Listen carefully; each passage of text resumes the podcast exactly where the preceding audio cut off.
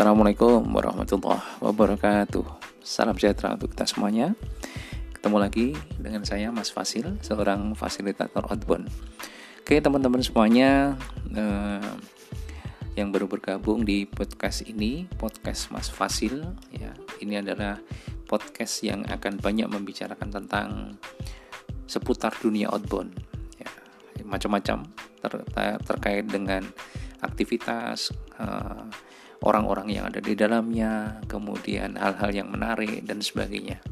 Walaupun di beberapa episode juga saya selipkan beberapa cerita-cerita menarik, cerita-cerita cerita inspirasi dan sebagainya. Ini sudah masuk di episode ke-41 ya.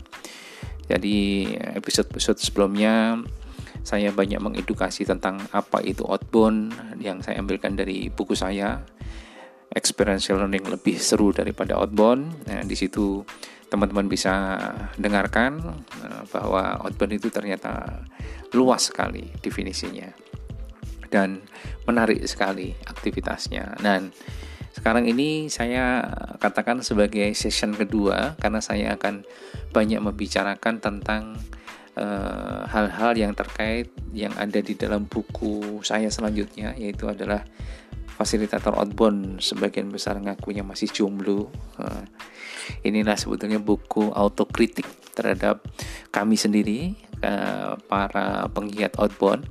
Buku ini sudah saya luncurkan beberapa waktu yang lalu dan alhamdulillah cukup banyak yang uh, apa istilahnya itu uh, membelinya dan bahkan kemarin juga sempat saya bikin giveaway-nya Alhamdulillah di beberapa kota di Indonesia teman-teman berpartisipasi. Uh, ini akan saya coba ceritakan, akan sedikit saya bongkar ya dengan bahasa yang pastinya menyenangkan, seru dan sederhana.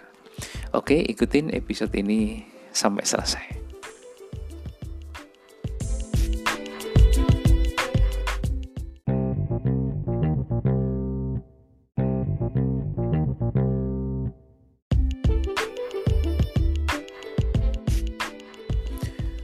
Oke, okay, baik. Uh, saya masuk ke materi yang pertama, itu di halaman ke-6. Uh, di buku ini judulnya adalah Flying Fox is not mean rubah terbang. Ya.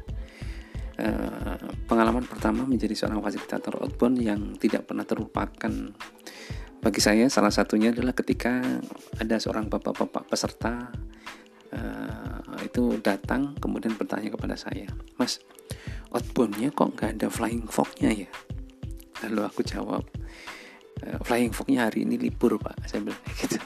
Ya oke teman-teman ini uh, apa namanya uh, dulu di awal-awal munculnya outbound itu sangat identik dengan yang namanya flying fox jadi kegiatan outbound kalau tidak ada flying fox berarti adalah bukan outbound.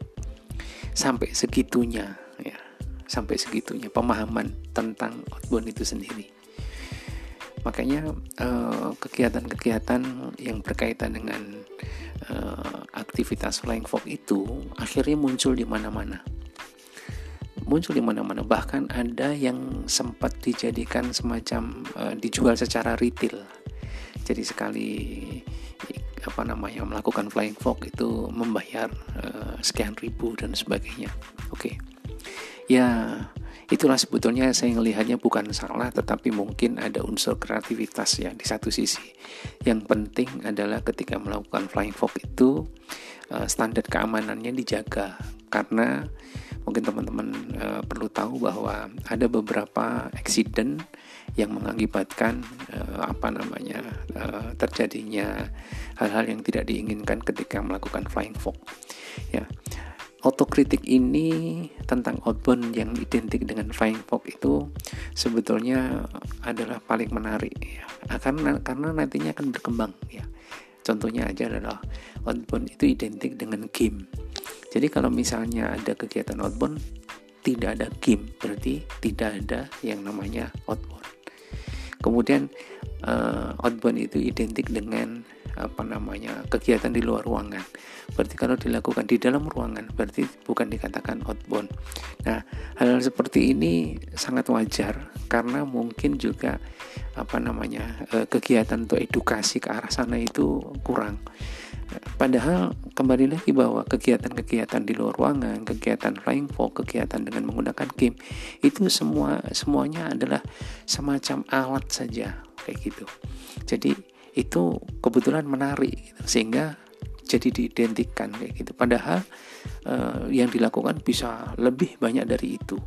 Tetapi mungkin yang diekspos di foto, di media dan segala macam lebih banyak ke arah situ sehingga akhirnya terbentuklah satu pemahaman bahwa outbound itu identik dengan flying fox, identik dengan game, identik dengan di luar ruangan dan sebagainya. Ya, mungkin eh, kalau kita flashback ke belakang sebelum munculnya istilah outbound ini, ya uh, apa namanya kegiatan di luar ruangan itu sudah banyak sekali sebetulnya. Cuman dinaik, dinamakan mungkin ada yang menamakan dharma wisata, wisata, piknik dan sebagainya. Tetapi begitu muncul kata outbound itu hampir semua kegiatan di luar ruangan itu dikatakan outbound. Nah, ini perlu dicermatin di sini. Fenomena ini perlu dicermati. Tidak perlu marah-marah tidak perlu emosi kayak gitu ya. Tetapi ini adalah menarik. Karena apa ya publik itu ya punya suara juga kayak gitu mungkin catatan kecilnya bahwa perlunya edukasi tentang outbound itu mungkin perlu ditambah lagi. Salah satunya saya membuat podcast ini juga dalam rangka itu.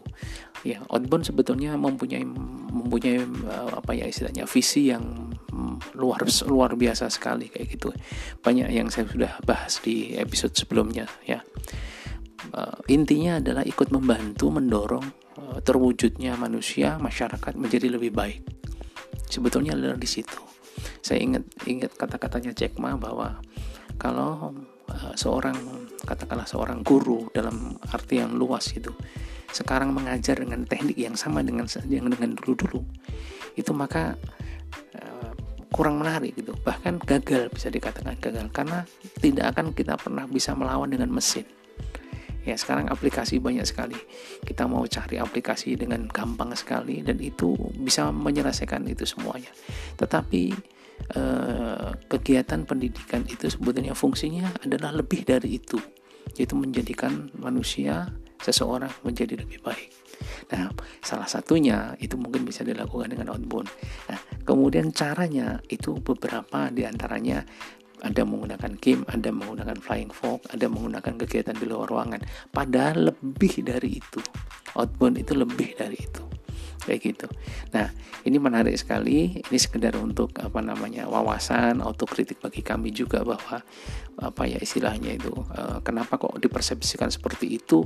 Ya mungkin ya uh, mungkin karena apa namanya edukasi mengenai masalah outbound itu sendiri yang mungkin masih kurang kayak gitu. Jadi teman-teman semuanya uh, mudah-mudahan uh, bisa memahami ini bahwa kalau ngelihat episode-episode kemarin mendengarkan episode saya kemarin mungkin sedikit bisa kebuka gitu ya. Jadi prinsip dasarnya adalah kalau misalnya outbound katakanlah itu tidak ada flying fox itu bukan berarti tidak outbound bukan kayak gitu. Flying fox adalah bagian bahkan bukan bagian kecil daripada outbound itu sendiri. Oke, teman-teman semuanya, uh, mudah-mudahan bermanfaat. Nanti akan saya lanjutkan di episode episode selanjutnya uh, dari buku saya. Uh, apa sebagian besar fasilitator auto yang masih jomblo, yang merupakan butuh auto buku autokritik bagi uh, apa namanya penggiat teman-teman di dunia outbound. Ini dalam rangka untuk kita terus berkreatif, menciptakan hal-hal yang baru, membantu siapa saja supaya bisa Eh, melahirkan manusia-manusia yang lebih baik. Oke, terima kasih. Uh, mudah-mudahan teman-teman semuanya sehat semuanya. Uh, salam untuk keluarga dan tetap jaga kesehatan. Matur nuwun. Assalamualaikum warahmatullahi wabarakatuh.